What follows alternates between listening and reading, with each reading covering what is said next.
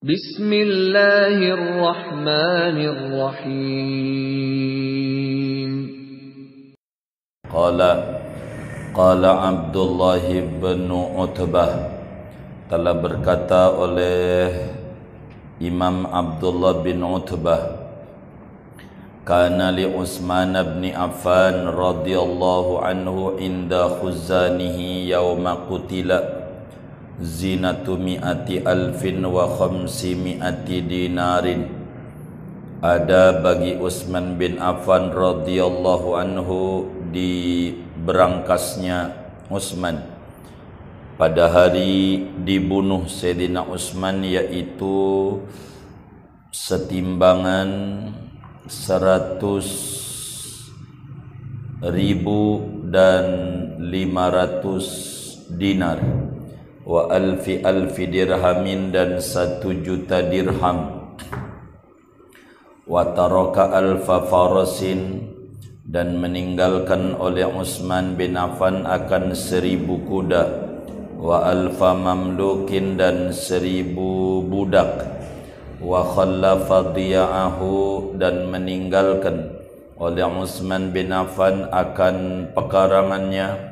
Bibi'ri Arisa di dekat sumur Aris di Kuba wa Khaybarin dan di Khaybar wa Wadil Qura dan di Wadil Qura. Ma qimatu yaitu barang yang ada pun nilainya yaitu 200 ribu uh, dinar. 200 ribu dinar. Wa khallafa Amr bin al-As dan meninggalkan oleh Amr bin As salasa mi'ati alfi dinarin akan 300 ribu dinar. Wa balagha samanu mali Zubairi dan mencapai oleh nilai hartanya Zubair ibn al-Awwam radhiyallahu anhu khamsina alfa dinar akan lima ratus ribu dinar. Wa taraka alfa farasin dan meninggalkan oleh Zubair bin Awan akan seribu kuda. Wa alfa mamlukin dan seribu budak. Wa ghina Abdurrahman ibn Auf radhiyallahu anhu ashharu min an yudhkara. Adapun kekayaan Abdurrahman bin Auf radhiyallahu anhu asharu yaitu lebih masyhur lagi min an yudhkara ketimbang daripada bahwa disebutkan oleh kekayaan Abdurrahman bin Auf. Artinya saudara-saudara sekalian sahabat Rasulullah sallallahu alaihi wasallam itu adalah rujukan kita di dalam hidup dan kehidupan betapa Rasulullah sallallahu alaihi wasallam menyatakan ashabi kan nujum bi ayyihim muqtadaitum ihtadaitum. Sahabatku itu bak bintang-bintang di langit.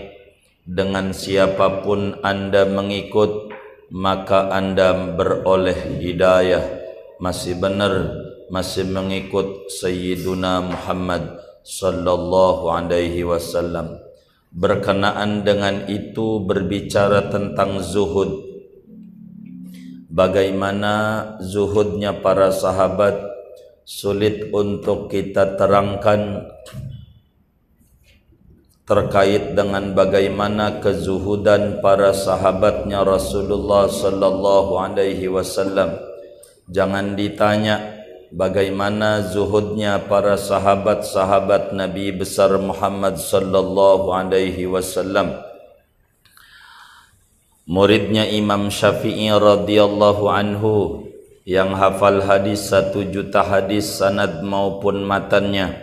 Al-Imam Ahmad bin Hanbal radhiyallahu taala anhu pernah ditanya terkait tentang zuhud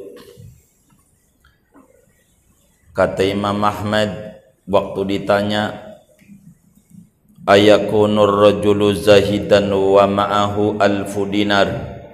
Wahai Imam Ahmad apakah orang itu masih disebut orang yang zuhud? Sementara di kantongnya masih ada duit satu triliun.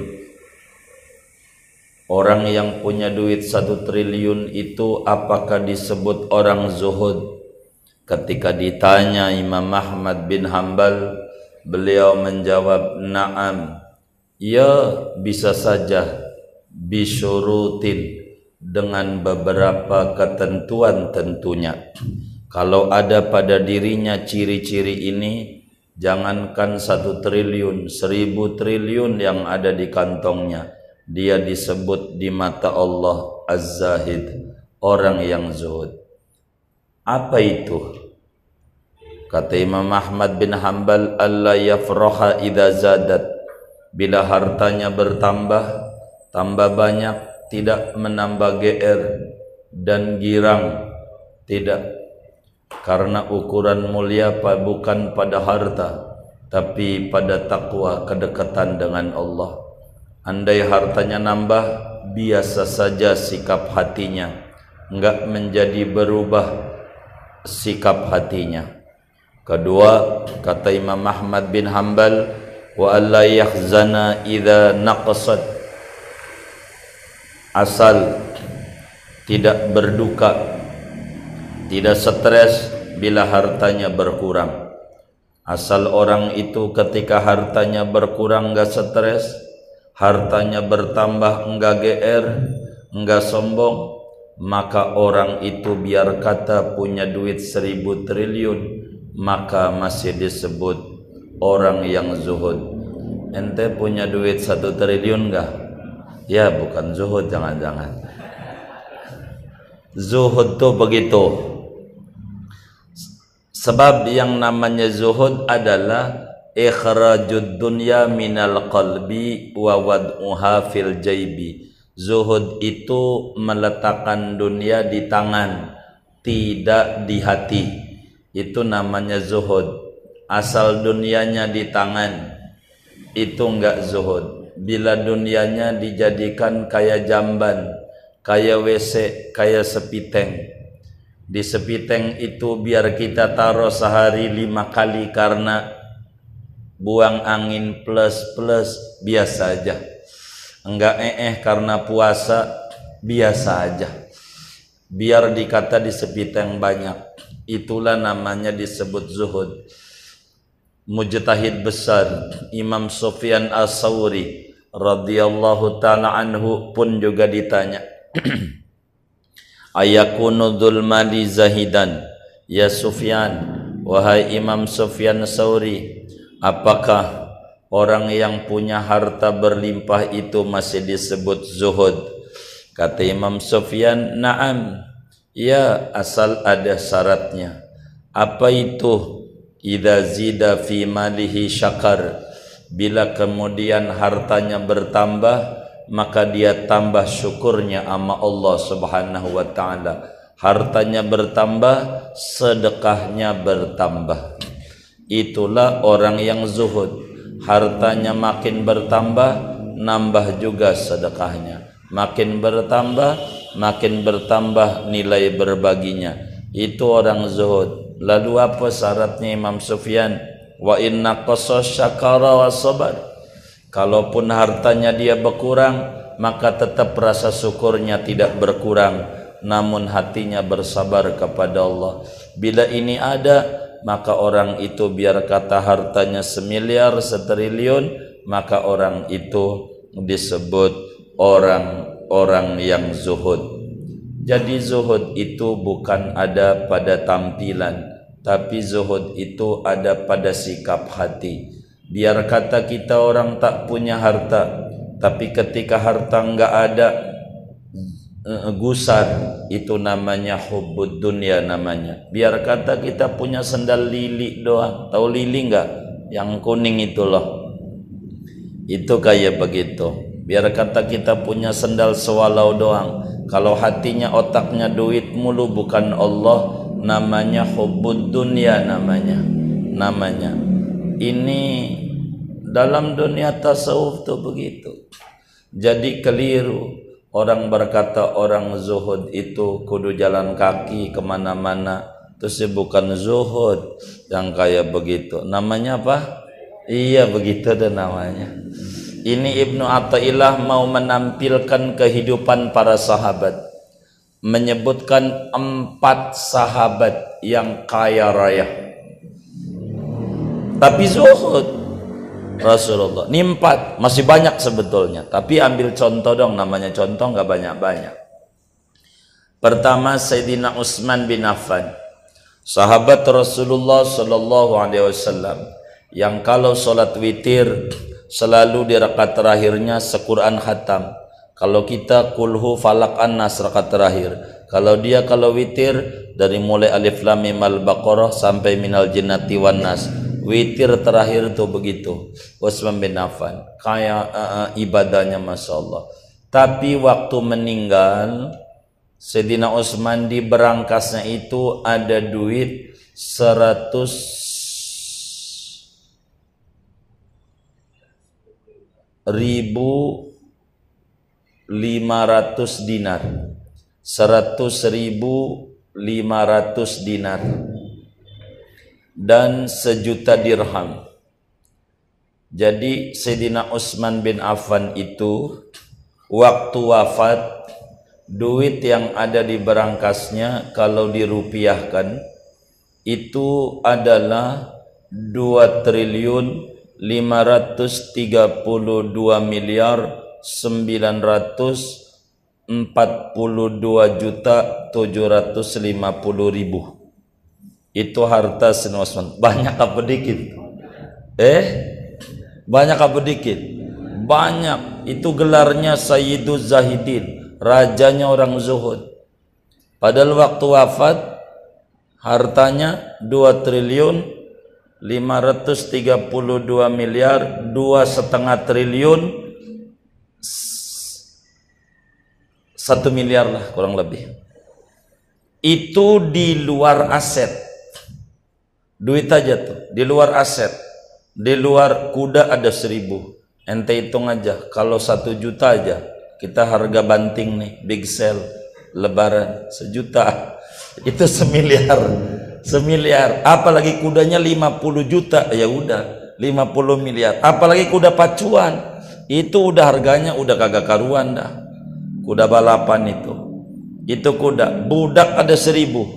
Orang nih harga bantingan sejuta itu udah semiliar lagi itu semiliar belum lagi tanah hektaran baik itu di Bikri Aris baik itu di Khaybar maupun di Wadi Kuro hektaran itu hartanya. Ala kulli hal 2,5 triliun hartanya Sayyidina Utsman. Banyak apa dikit? Banyak. Jadi ente jangan malu kalau pengen jadi orang kaya.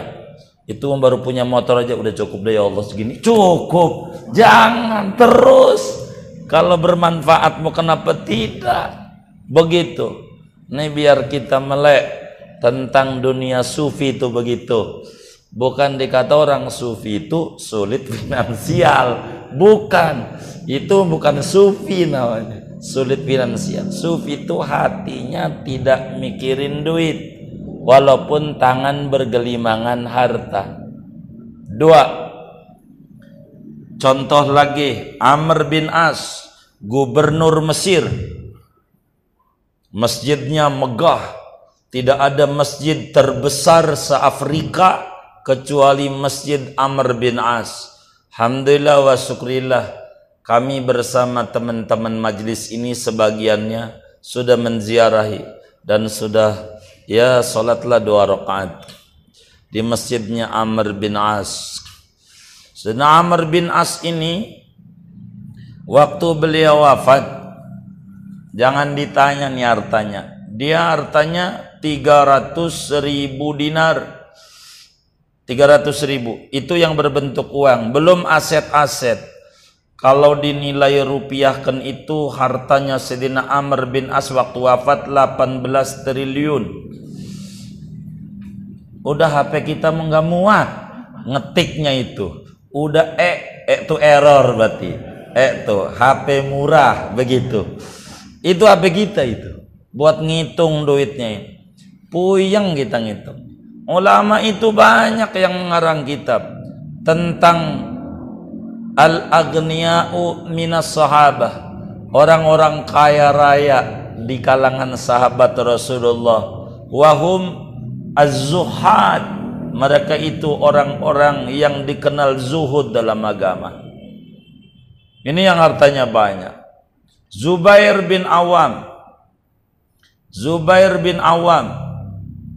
Waktu wafat hartanya ini kan wafat kok bisa ketahuan ini harta? Kan udah wafat bagi warisan. Dibagi warisan itu ketahuan bini-bininya dapat berapa anaknya. Begitu. Maka Zubair bin Awam waktu wafat kata Imam Ibn Atta'illah 500 ribu dinar belum lagi ditambah kuda seribu dan budak seribu. Jadi Zubair bin Awam bila dirupiahkan itu hartanya beliau waktu wafat 3 triliun 543 miliar 724 juta rupiah. Bahasa kitanya 3 miliar setengah lebih. Dan gitu aja dah capek. Nulis-nulisnya juga. Gitu nulisin harta orang ini. Tapi sejarah ini masalahnya. Begitu.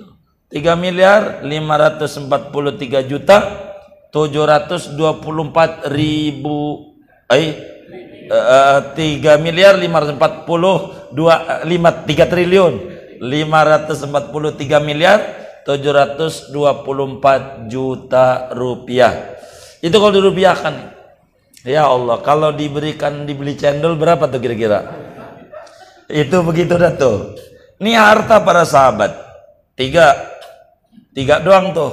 Ini padahal banyak nih ya. Empat. Ini rajanya nih.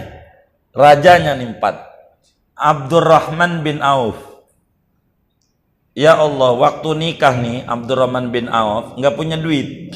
Waktu nikah ditanya sama Rasulullah SAW.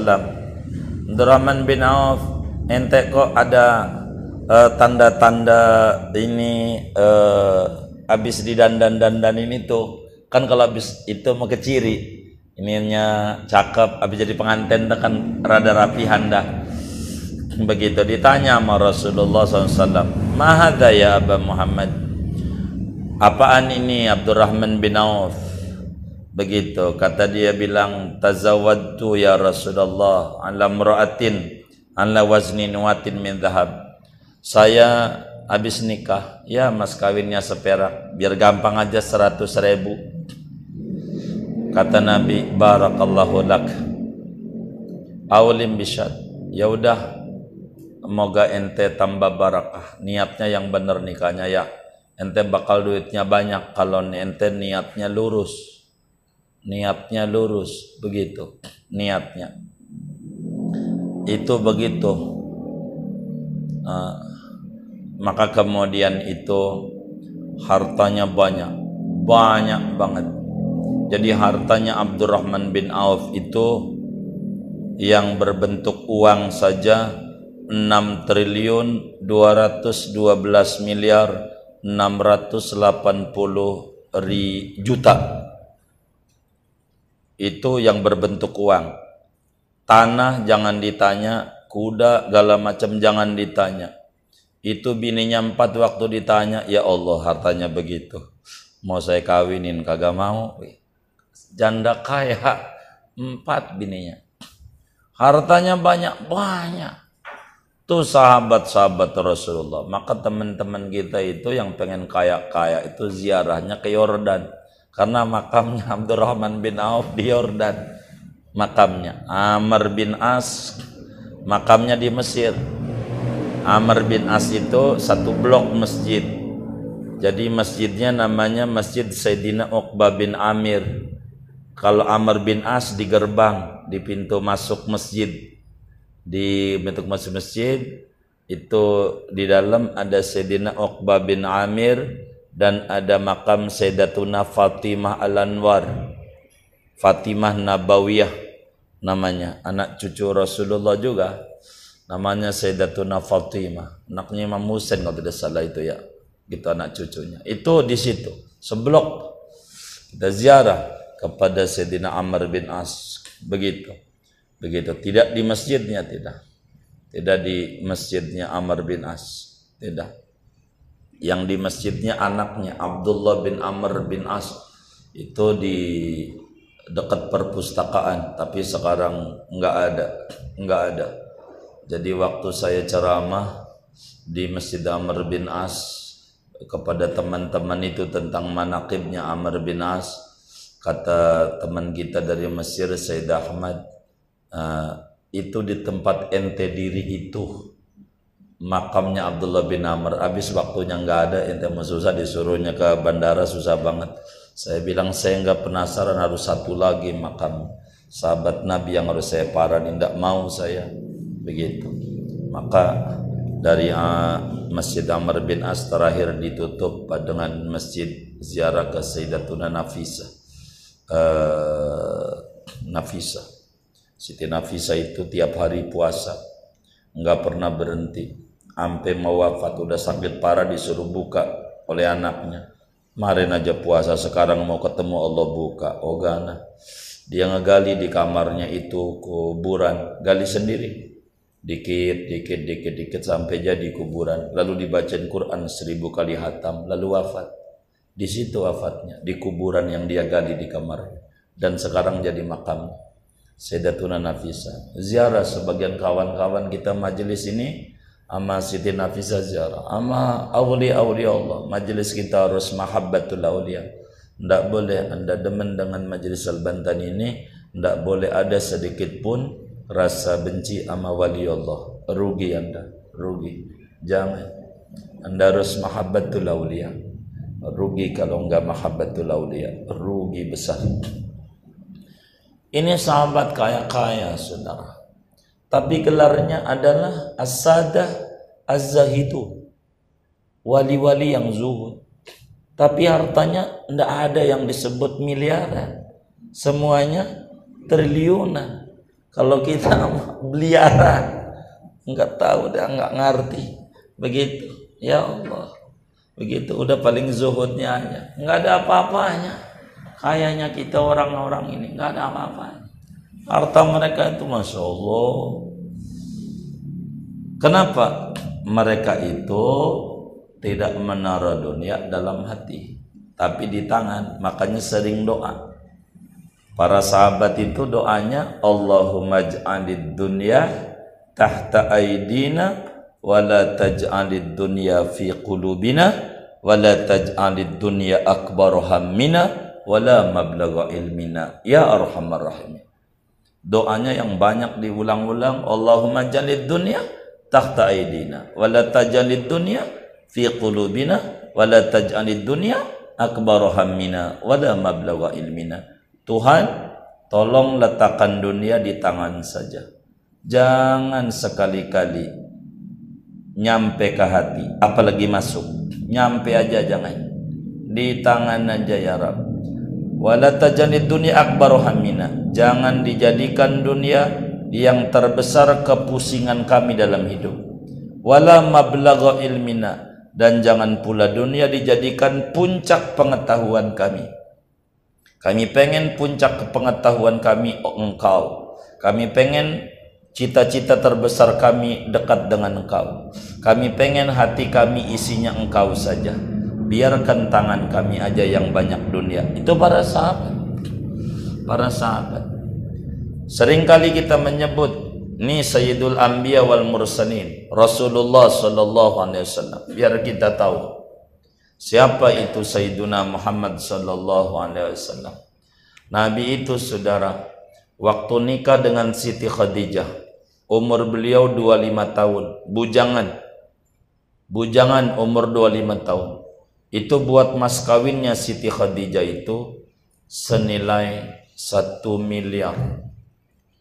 Semiliar buat mas kawin Siti Khadijah. Semiliar. Begitu. Ada nggak ini yang waktu kawinnya semiliar? Kagak. Ya Allah untung bini kita kagak ngaji. Kita bisa nuntut itu. Begitu. Semiliar saudara. Itu Rasulullah dikata Rasulullah orang miskin ada ke orang umur 25 tahun hartanya udah semiliar 25 tahun. Man ente udah 25 belum?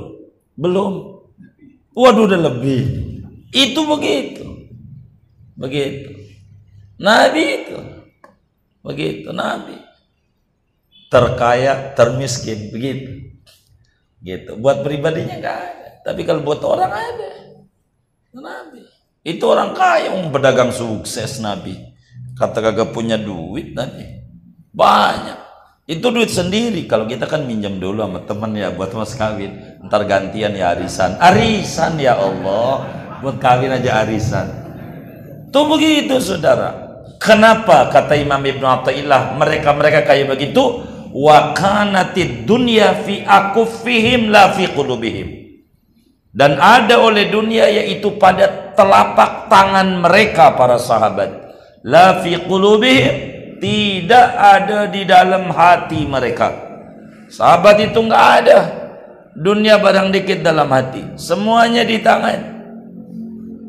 Kita sering membaca sahabat seperti Ashabus Sufa Abu Hurairah. Ini sahabat enggak punya. Anak asuhnya Rasulullah.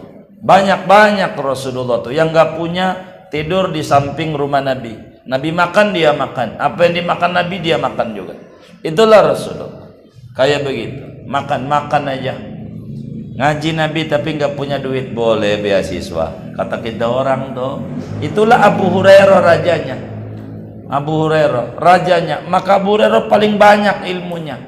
Yang disampaikan nama umat 5374 hadis. Itu yang disampaikan.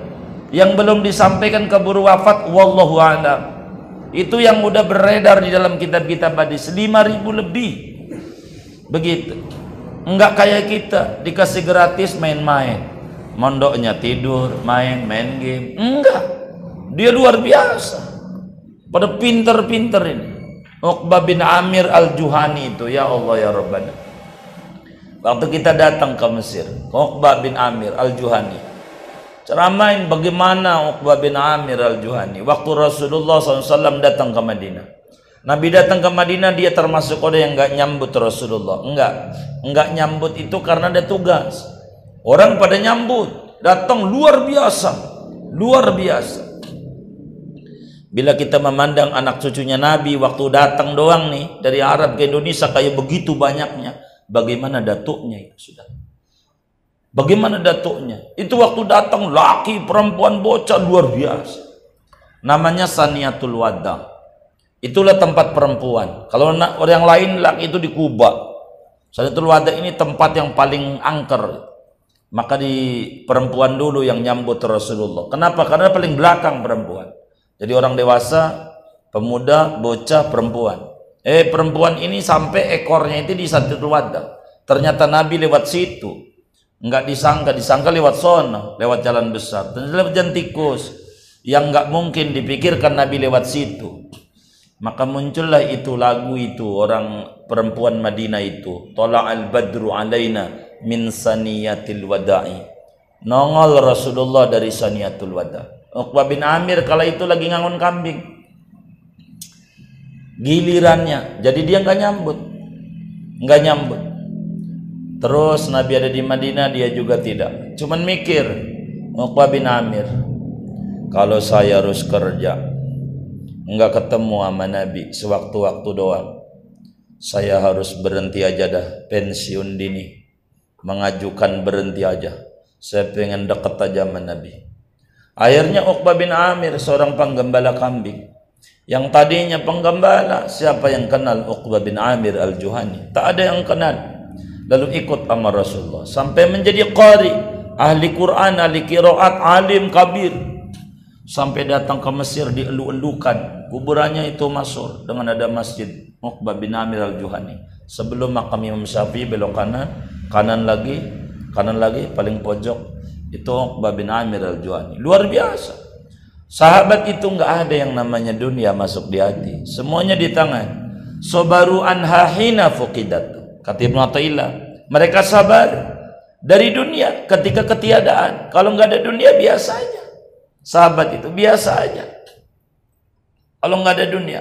Wasakarullaha hina wujidat. Dan mereka bersyukur pada Allah seketika ada oleh dunia. Kalau dia dapat dagang untung, Alhamdulillah.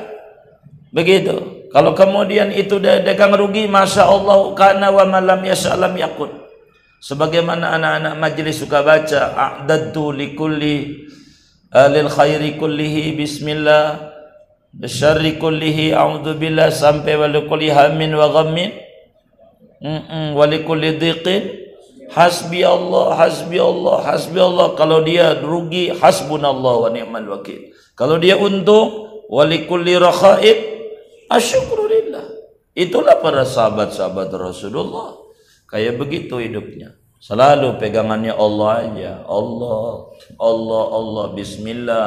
Alhamdulillah, Masya Allah, Innalillah, Hasbi Allah, Tawakaltu ala Allah. Begitu, Innalillah, semuanya.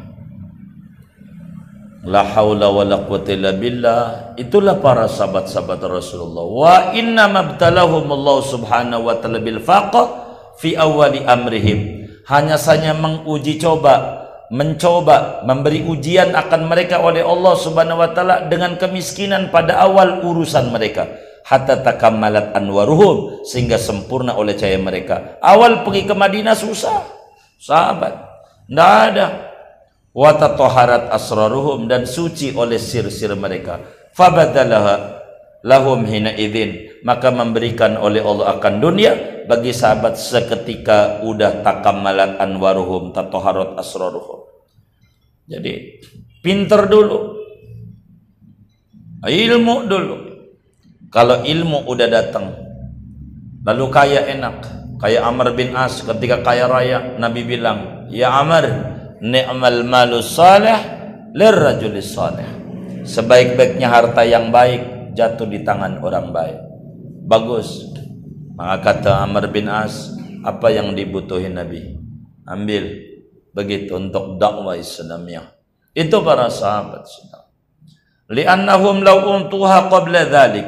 Karena bahwa para sahabat Nabi itu andai diberikan oleh sahabat akan dunia sebelum yang demikian itu takamalat anwaruhum la'allaha kana ta'khudhu minhum. Jangan-jangan dunia ada yaitu ada di dunia itu mempengaruhi kepada sahabat falamma utuha ba'da tamkin war rusukh fil yaqin dan tatkala diberikan sahabat akan dunia sesudah kemantapan iman dan mengakar pada keyakinan tasarrufu fiha tasarrufal khazin al amin maka berdaya guna oleh sahabat pada dunia seperti berdaya gunanya kasir yang terpercaya maka sahabat Nabi itu menjadi kasir Allah, membantu para hamba-hamba Allah. Itulah yang Nabi sering dengung-dengungkan, khairun nas anfa'uhum linnas. Menjadi gausul ibad namanya. Nolongin orang-orang. Itulah begitu kerjaannya para sahabat.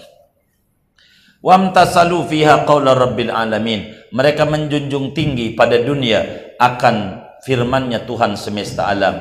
Wa anfiqu mimma ja'alakum mustakhlafina fi. Infakkan olehmu dari apa yang menjadikan oleh Allah akan kamu mustakhlafina akan meninggalkan harta benda padanya infak mereka berinfak berinfak. Kehidupan para sahabat sahabat Rasulullah. Ala kulihan ad-dunya fi aidil ashab la fi qulubihim.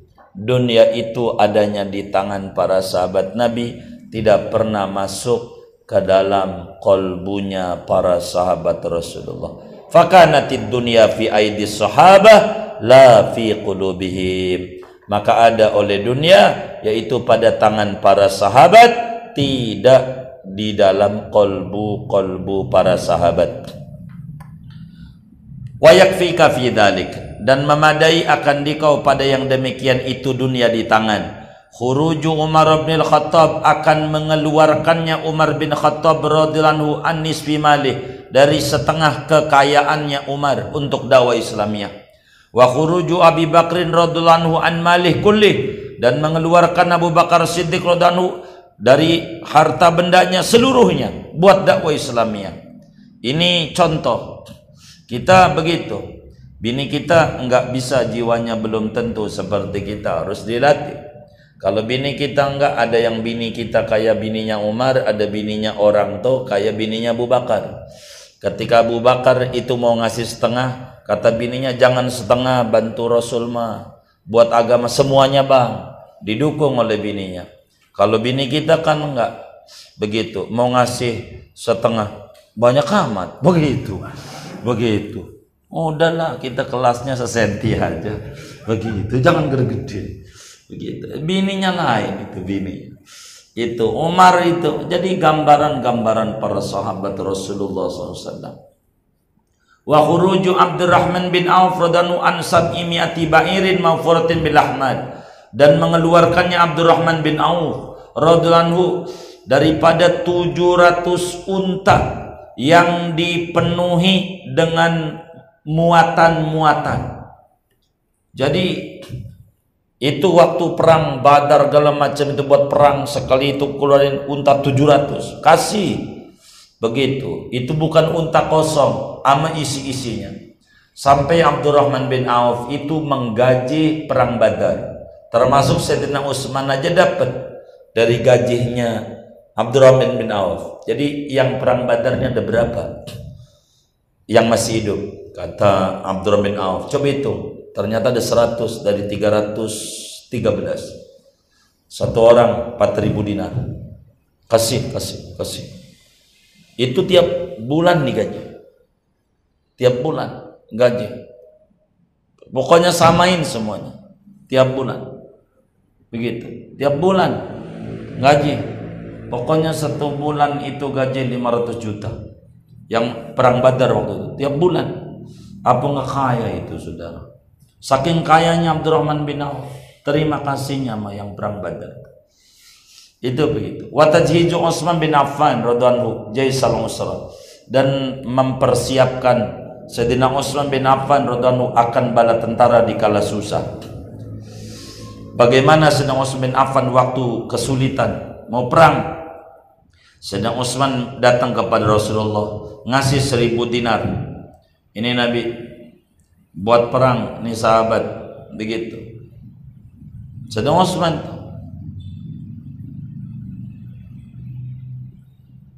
Itu kayak begitu. Triliunan. Ila khairi dzalika min af'alihim. Sampai Nabi itu daripada perbuatan-perbuatan para sahabat. Wasani ahwalim dan luhurnya hal ikhwal para sahabat. Ridwanullah alaihim ajmain. Fatadammanatil ayatul bayinat. Maka mengandung oleh tanda-tanda kebesaran para sahabat yang nyata ini at-tazkiyata li akan kesucian bagi lahiriah para sahabat wasarairihim dan batiniah para sahabat wa isbata mahamidihim dan menetapkan pujian-pujian pada para sahabat wa mafakhirihim dan kebesaran-kebesaran para sahabat. Faqad tabayyana min hadha maka sungguh telah nyata dan jelas dari ini uraian anna tadbiru ala qismaini akan bahwasanya tadbir perencanaan pengaturan itu atas dua bagian. Tadbirud dunya lid dunya. Pertama mengatur dunia untuk dunia. Kama huwa halu ahli qati'atil ghafilin. Sebagaimana dia adalah sikap hidupnya orang yang putus dari Allah yang lalai. Wa tadbirud dunya lil akhirah dan mengatur dunia untuk akhirat. Kahali sahabatil akramin seperti sikap hidupnya para sahabat yang mulia-mulia wasalafis salihin dan para salaf yang soleh-soleh radhiyallahu anhum ajmain. Moga-moga meridai Allah kepada mereka sahabat dan salafus saleh. Wajah ajmain seluruhnya wajalan nabi manik bim ajmain dan menjadikan Allah akan kita mimman tada daripada orang yang mentauladani oleh orang bihim dengan para sahabat. Amin amin ya rabbal alamin. Apa terusannya? Faslun. Terus? Faslun. Nadhkuru fihi munajatal haqqi. Subhanahu wa ta'ala li abdihi ala al-sinati hawati fil haqaiqi fi sya'ni tadbiri war rizqi. Adapun ini pasal tentang intuisi bisikan-bisikan suara-suara Tuhan kepada hambanya jadi para wali-wali Allah itu saudara itu ketika hatinya bening itu suka ada ilham ilham kadang lewat tidur, kadang lewat jaga, ada suara yang dia dengar tanpa dia terupanya ngomong. Namanya lisanul haqaiq, bahasa Tuhan, suara Tuhan. itu mereka dapetin yang kaya begitu. Yang kaya begitu. Itu para wali-wali Allah. Ini Ibnu Atta'illah ini ilham-ilham Allah kepada beliau. Jadi Allah ngomong sama kita. Tapi lewat wali-wali Allah.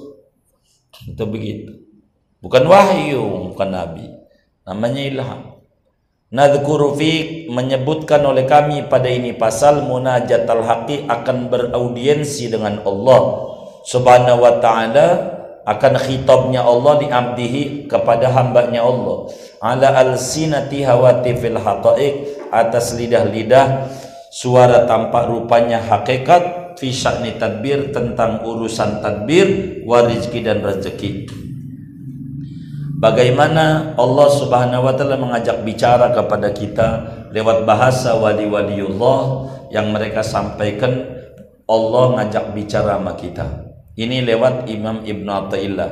Walaupun ayyuhal abdu awalnya adalah wahai hambaku adalah Ibn Atta'illah tapi maknanya buat kita semuanya. Bagaimana itu? Ini pertama. Ayyuhal abdu Alqi sam'aka wa anta syahid bi an ya'tika minnil mazid minniyal mazid alqi sam'aka wa anta syahid ya'tika minniyal mazid wa asghi bi sam'i qalbika fa ana anka lastu bi ba'id begitu pertama Bunyinya begitu. Kalau nggak begitu salah redaksinya. Ayyuhal abdu. Wahai hambaku. Kata Allah. Ini sama kita. Lewat wadiullah ibn Atta'illah. Alqi sam'aka. Campakkan olehmu akan pendengaranmu. Wa anta syahid. Padahal adapun engkau itu melihat Yaktika niscaya datang ka akan engkau mini daripadaku al-mazid oleh pertambahan. Kata Allah, hambaku campakkan pendengaranmu. Bahasa kita orang buka lebar-lebar telinga kalbumu, kalbu yang dibicara. Wa anta syahid. Engkau itu melihat. Orang yang sudah tinggi itu anta'budallaha ka'annaka tarah engkau melihat Allah. Kau lihat aku telingamu buka lebar-lebar. Kalau kau telinganya buka lebar-lebar telinga kalbunya dengan melihat aku kata Allah ya'tika minni al-mazid. Niscaya datang padamu dariku oleh pertambahan. Apa maknanya? Allah bakal berikan kepada kita pemahaman tentang ilham-ilham hawatiful haqaiq. Asal kalbu kita hati. Telinganya ada dua. Kalau telinga ini suka kagak dengar telinga kalbu yang dengar. Kebaikan pengennya mengerjakan keburukan pengennya menjauhi. Gak mau dengar menolak. Itu kasal kita telinga kalbunya buka nanti Allah bakal berikan pemahaman tentang asrar-asrar rabbaniyah wa asghi bi sam'i qalbi dengarkan olehmu dengan telinga kalbumu Fa'ana anka lastu bibain. Maka adapun aku daripada engkau lastu yaitu tidak ada oleh aku bibaid itu jauh. Hambaku dengerin. Kalbumu aku tak jauh. Jadi Allah itu saudara dekat. Kata Allah, "Fa idza 'ibadi anni fa inni qarib." Bila hambaku bertanya tentang aku, aku dekat. Allah itu dekat. Pertanyaannya udah usul belum kita? Belum. Kenapa? Begini, Allah itu dekat, betul. Tapi prosedur menuju Allah itu jauh. Banyak tahapannya. banyak langkah-langkahnya untuk supaya kita bisa usul kepada Allah. Maka Allah itu dekat.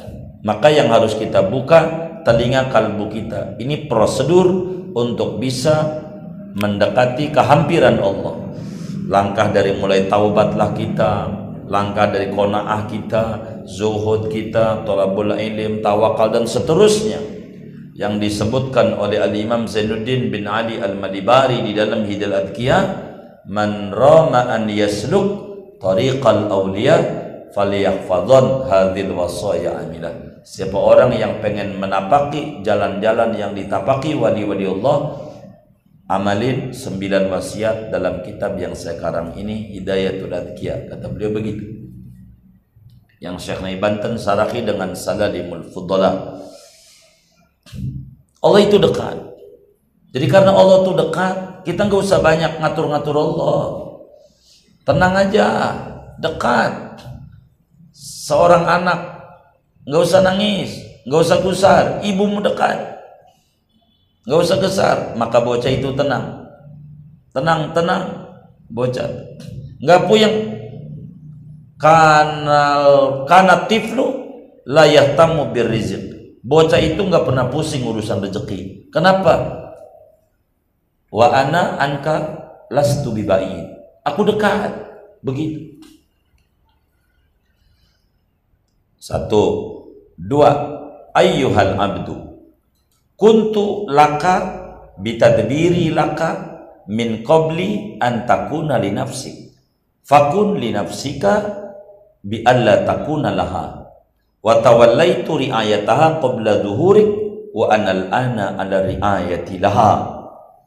Ayyuhal abdu wahai hambaku kuntu laka adalah aku bagimu.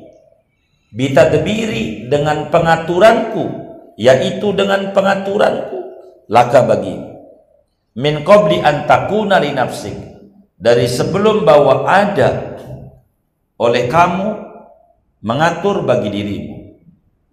Fakun li nafsika maka jadilah kamu bagi dirimu bi alla takuna laha dengan bahwa tidak ada oleh kamu yaitu bagi dirimu. Wa tawallaitu riayataha dan mengurusi oleh aku riayataha akan merawat dirimu qabla duhurika sebelum adanya kamu wa anal ana ada riayatilaha dan adapun aku sekarang ini yaitu atas merawat bagi dirimu kedua lisanul haqaiq. Kata Allah hambaku saya dulu udah ngatur engkau sebelum kau ada di alam dunia. Udah saya atur. Masih dalam perut ibumu umur 4 bulan ku bilang sama malaikat tolong kasih rezekinya jatah dia hidup umurnya galanya semuanya udah sebelum anda punya perencanaan punya planning aku udah berikan itu planning planningnya set plan buat anda itu udah rapi RAB nya udah rapi Makanya kau itu nggak usah banyak ngatur-ngatur aku. Nggak usah. Kayak belum ada aja dah kau dah. Kayak bayi aja sama aku. Jiwamu tenang saja. Kalau bahasa hikamnya arih nafsaka anit tadbir. Fama qama bihi ghairuka anka la takum anta di nafsik. Istirahatkan jiwamu daripada ngatur-ngatur Tuhan maka apa yang telah dijalankan oleh selainmu yakni oleh Allah maka jangan sekali-kali kamu ikut campur mengatur Allah jadi tenang saja hidup. Pokoknya waktunya kerja kerja. Waktunya dagang dagang. Waktunya ngaji ngaji. Jalanin aja. Hidup mengalir bagai air. Jangan lawan arus capek. Ikuti aja alur daripada apa Allah. Jalanin perintahnya. Jauhi larangannya. Itu tugas kita. Rezeki biar Tuhan yang atur kita dagang-dagang ikuti aturan dagang bagaimana para sahabat dan salafus saleh dagang. Kita kerja-kerja jadi pejabat ikuti salafus saleh para sahabat yang di pejabat. Kita jadi guru bagaimana guru? Kita jadi santri bagaimana santri? Ikuti aja. Alur perintah-perintah itu. Jangan terlalu dipusingi dalam hidup. Tidak usah gusar. Semuanya sudah dipikirin sama Tuhan kata Imam Ali bin Abi Thalib waktu ada wabah nyantai aja. Orang-orang pada ketakutan sama wabah. Ketakutan. Imam Ali nyantai. Ditanya apa amalanmu? Kok nyantai? Saya juga punya APD apa APD alat pelindung diri. Oh, ada juga dari dulu. Apaan alat pelindung dirimu? Omri ajali hisni. Hisni ajali kata Imam Malik hisni ajali alat pelindung diriku ajalku. Gak bakalan mati. Kalau belum ajalnya bisa aja. Kata Imam Malik biasa aja. Biasa aja. Biasa aja. Biasa aja.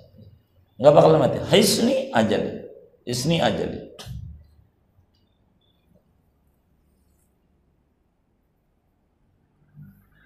kan kita doa tuh. Pas ta'lim waqfadhu ya rabbi minal wabai wal ju'i wal ba'sa'i darra'i ya Allah jagalah majelis ini yang kita duduk ini daripada wabah penyakit. Maka teman-teman majelis Allah jaga hampir kalau bahasa kami 90% lebih hmm, Allah jaga. Waqfadhu ya Rabbi minal wabai wal dan kelaparan. Sedikitlah yang rada stres ngadepin pandemi ini. Enggak banyak. Wal ba'sai kesempitan, wadori kesulitan. Itu kita minta Allah tuh begitu majelis Jangan sampai susah itu. Kata Allah wa tawalla itu riayat. Saya urusin engkau sebelum kau ada. Udah saya pikirin, saya udah programin rezekimu, inimu, bini apa, udah ada. Sampai sekarang saya masih urusin. Sampai sekarang kita masih hidup, betul nggak? Hidup nggak? Hidup masih sehat, sehat nggak? masih minum buka aja tadi udah berapa gelas nyampe nih malam udah nggak kehitung tuh kelapa muda sirup marjan belum biji salak belum tuh apa tadi tadi tuh ya bubur kacang hijau bakso pastel. Udah macam-macam dah tuh tadi. Ya Allah. Apalagi iya begitu dah tuh. Ya Allah. Masa kita nggak mantap banget sama Allah? Itu masalah kita. Salah kita. Tiga. Ayyuhal abdu anal munfaridu bil khalqi wat taswir. Ayyuhal abdu wahai hambaku adapun aku itu yaitu yang maha tunggal dengan mencipta wat taswir dan membentuk saya yang nyiptain ente kata Allah bukan ayah bunda ente bukan buktinya ente lihat di tetangga ente banyak orang menikah sampai 20, 50 tahun belum punya keturunan ada. Itu karena saya itu yang nyipta. Yang mempotret, membentuk. Wa anal munfaridu bil hukmi wa tadbir. Adapun aku yaitu yang maha tunggal dengan menghukumi dan mengatur. Aku semuanya yang mengatur.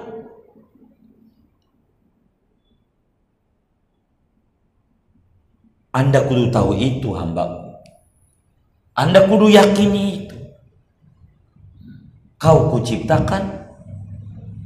Kau aku yang ngatur. Camkan di dalam hati. Alqi sam'ak wa anta syahid.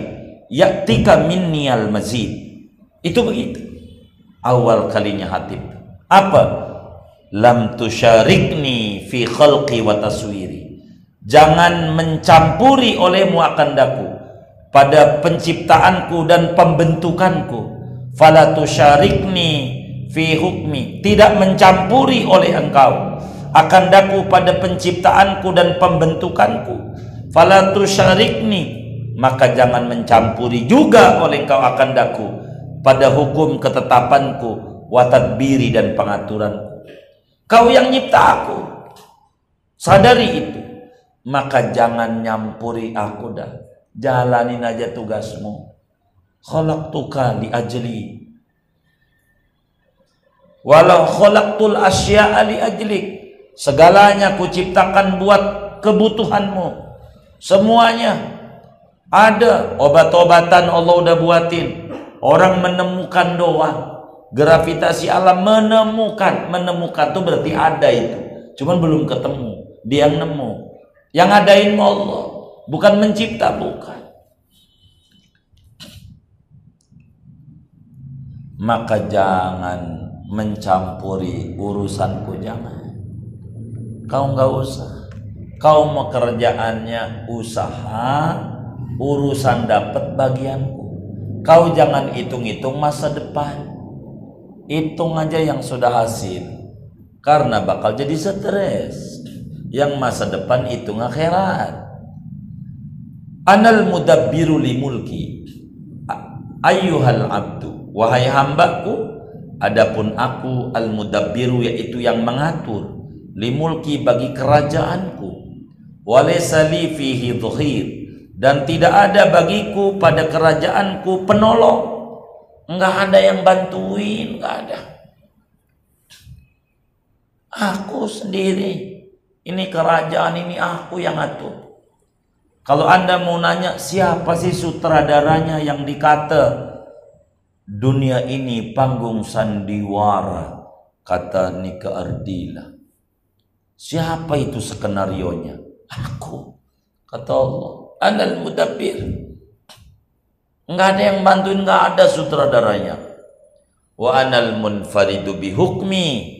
Adapun aku yaitu maha tunggal dengan menetapkanku. Wal akhtaju ila wazir.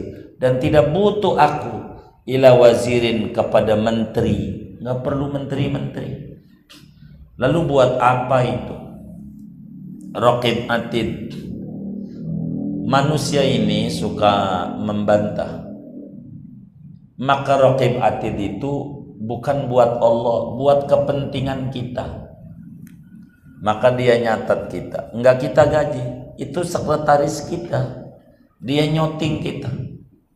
Rokib Atid nyoting. Kita ini artis. Di shooting sampai waktu nanti di akhirat itu nanti di sana nggak ada lembaga sensor film. Udah tutup. Itu film gak ada sensornya di akhirat. Dibuka. Itu siapa itu ya? Ngaji duduk di pojok ngantuk itu. Siapa lagi? Kita orangnya. Pakai nanya lagi. Kita orangnya. Emang kita pelakunya. Kan kita artisnya. Jangan tanya siapa itu. Nggak ada. Maka mumpung belum di akhirat di dunia ini ada lembaga sensor potong. Film yang gak menarik potong dengan cara bertaubat beristighfar. Rangkai yang bagus-bagus biar film itu menarik di akhirat. Ini dunia. Begitu. Maka Rokib Atid ini nanti di akhirat membantah Tuhan saya gak berbuat dosa. Kamu berbuat. Mana saksinya? Munculin Rokib. Satu dua. Ini dua. Kan saksi kawin juga dua itu. Dua. Nah dua buat kita. Nggak bisa bantah. Itu begitu. Buat kepentingan kita. Ayyuhal abdu wahai hambaku man kana laka bitadbirihi qabla al-ijad fala tusharikhu fil murad. Wa man awwadaka husnal husnan nadhari min hulak fala tuqabilhu bil inad wahai hambaku siapa orang yang ada oleh orang bagimu dengan pengaturannya sebelum menciptakan maka jangan sekali-kali mencampuri olehmu akan dia pada kehendaknya. Hambaku, bila ada orang yang udah ngatur ente program sebelum ente ada, maka ente jangan ngatur-ngatur lagi ribet ngelawan aturannya. Ikuti aja alur aturannya. Alur ketetapannya. Ketetapan Allah itu ada empat. Pertama, to'at. Ngikuti alurnya dengan sungguh-sungguh ibadah disertai keikhlasan. Itu namanya ngikuti alur. Kedua, maksiat. ketetapan Allah itu maksiat. Kita nyolong lah kita mabuk lah atau apa saja. Alurnya kita taubat dan menyesal kepada Allah. Itu alur namanya ngikuti alur. Itu caranya namanya ngikuti alur. Kalau ketetapannya nikmat ngikuti alurnya. Syukur kepada Allah kalau ketetapannya ujian, sabar dan terus berikhtiar. Itu namanya ngikuti alur. Kalau kita marah-marah, stres, ngeluh, itu namanya lawan alur. Pegel diri. Kita naik mobil, ada motor nyalip kita, uang aja. Itu spontan mulutnya mengatakan, mampus lo. Tuh Kira-kira dengar nggak yang naik motor tuh?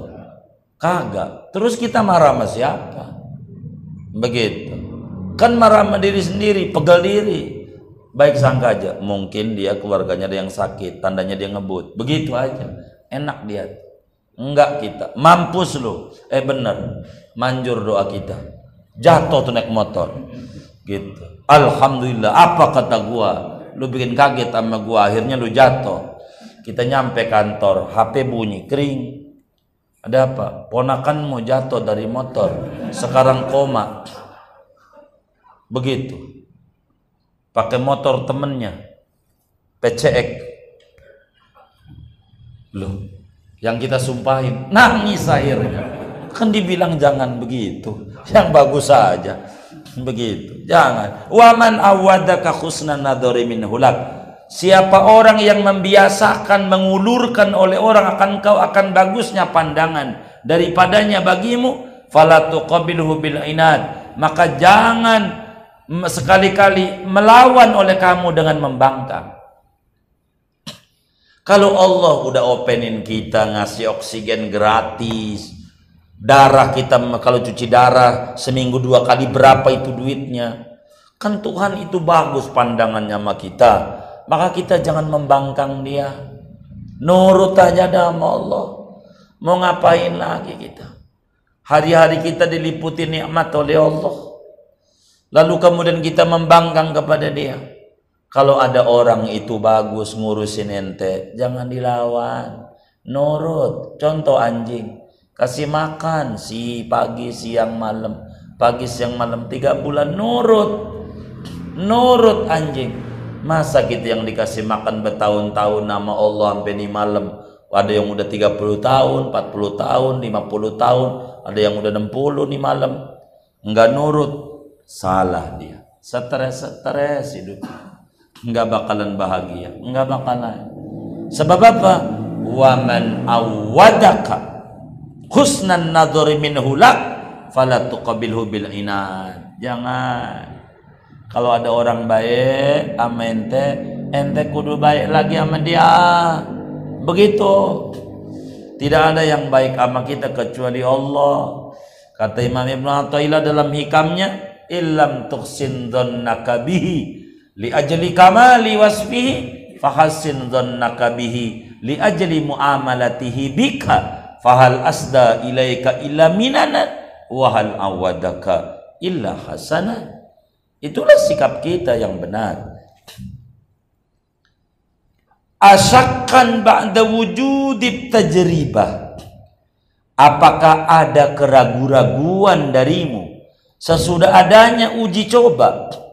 Wahiratan ba'da wujudil bayan dan kebingungan sesudah adanya penjelasan wadolalan dan kesesatan ba'da wuduhil huda. Sesudah terangnya petunjuk. Wa qad sallam tali qiyami bimamlakati wa anta min mal mim, min mamlakati. Wa qad sallamta li. Sungguh engkau menyerahkan bagiku qiyami akan mengurusku bimamlakati dengan kerajaanku wa anta min mamlakati sedangkan adapun kau yaitu bagian dari kerajaanku fala tunazi' fi rububiyati maka jangan kau tentang pada ketuhananku. Wala tudadid bitadbirika dan jangan kau lawan dengan pengaturanmu ma'a wujudi uluhiyati serta adanya ketuhananku. Kata Allah ini kan kerajaanku seluruhnya kau tidak ngatur aku yang ngatur. Dan kau bagian dari kerajaanku. Udah deh jangan nentang-nentang aku. Jangan ngelawan pengaturanku. Aku kan Tuhan. Maka Allah bilang dalam hadis kudsi dengan bahasa yang sangat lantang dan dengar oleh kolbu yang basirahnya betul.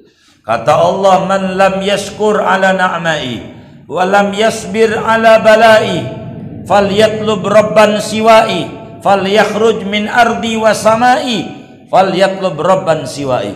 Siapa yang tidak bersyukur pada nikmat yang aku berikan kepadanya dan tidak sabar atas ujian wabah-wabah keliru cara menghadapinya falyakhruj min ardi wasamai silakan keluar dari kolong langitku dari bumiku. Keluar cari Tuhan senaku. aku yang ngadain wabah. Ngapa enggak lari sama aku? Ayo tambah dekat sama aku. Eh itu tambah jauh dari masjid. Alasannya masjid corona corona. Tapi tempat mancing rame rame. Ini keliru namanya. Nentang sama Allah yang kayak begini. Kata Allah apa ente ragu? Sampai ente bingung? Keterangannya udah ada dalam Al-Quran. Apakah ente ini terjebak kesesatan udah jelas hidayah itu. Ada semuanya. Udah dibilang dalam Al-Quran fa'amal insan idza mabtalahu rabbuhu fa'akramahu wa na'ama fayaqulu rabbi akraman. Wa amma mabtalahu rabbuhu wa qadara alaihi rizqa fayaqulu rabbi ahanan. Dasar manusia. Kalau dimuliakan oleh Allah dagangnya laris emang Tuhan maha baik. Kalau kamu dan rezekinya seret Tuhan ini jahat tidak sayang sama saya. Ujian saya dikasih berat. Dasar manusia tidak mengerti tentang aku. Begitu kata Allah saudara. Maka kita jangan. Kita jangan jadi insan. Insan ini masih rendah. Innal insana lafi khusrin. Insan. Wa amal insanu. Wa idza an'amna 'alal insan a'rada wa na'a bi janibi. Wa idza massahu syarru kana ya'usa. Innal insana kana zaluman jahula. Insan, maka nabi tidak di insan, adanya di basar. Qul innama ana basar. Bukan qul innama ana insan. Mal farqu bainal insan wal basar. Ini kita harus paham tahu itu. Maka kita jangan bingung hidup ini. Jalanin aja apa adanya mengalir aja bagai air. Siapa itu yang nyanyi begitu tuh? Begitu aja dah tuh. Begitu. Biar enak hidup ini. Gitu. Jangan lawan-lawan Allah dah. Capek kita kalau ada yang bingung nari aja Allah hasbunallah wakil udah dibagi amalannya a'dadtu lil khairi kulli Bismillah. Kalau yang bagus-bagus, Bismillah. Mau tidur sama bini, Bismillah. Kalau yang nggak enak, A'udzubillah. Kan udah ada. 12 modal kita. Bismillah, A'udzubillah, La ilaha illallah, Masya Allahu kana wa malam yasa lam yakun, Inna lillah wa inna ilaihi raji'un. Apalagi dah tu.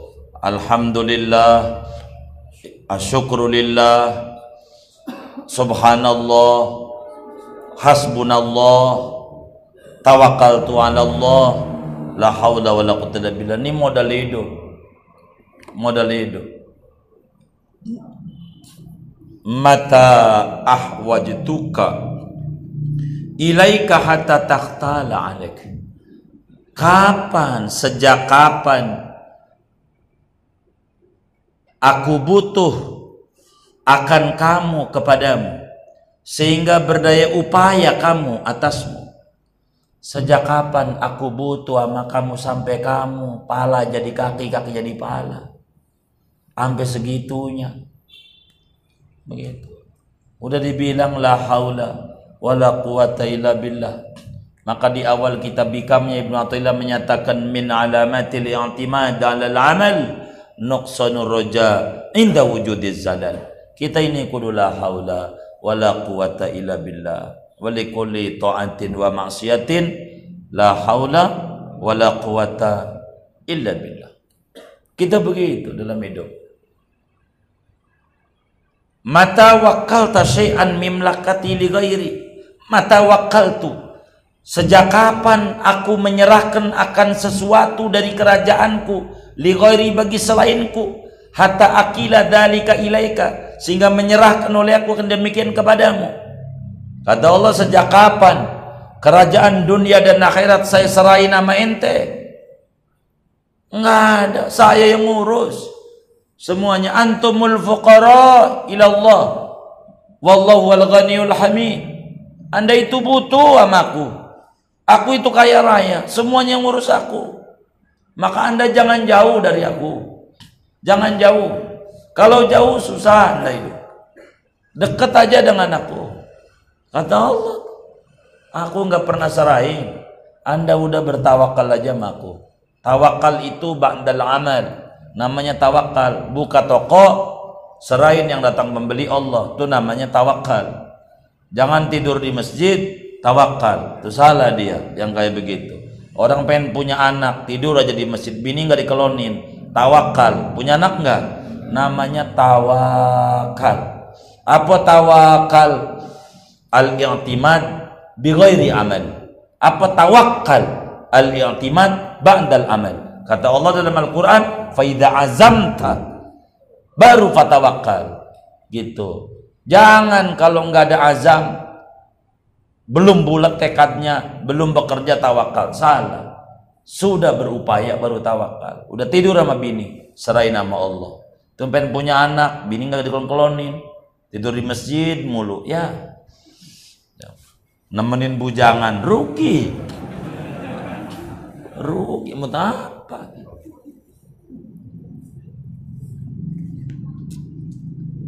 Mata khoba man kuntu lahu mudabbiran. Mata khoba. Sejak kapan kecewa oleh orang yang adalah aku baginya yaitu mengatur. Sejak kapan orang yang menyerahkan pengaturan kepadaku lalu menghadapi kekecewaan dalam hidupnya? Enggak ada. Lihat Sayyiduna Muhammad sallallahu alaihi wasallam.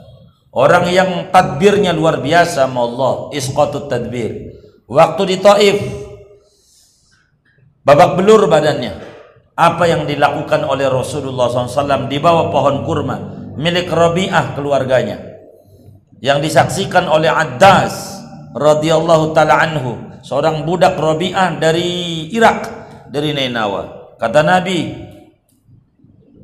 Allahumma ilaika asku dhafa quwwati wa qillat tahilati wa hawani 'ala nas.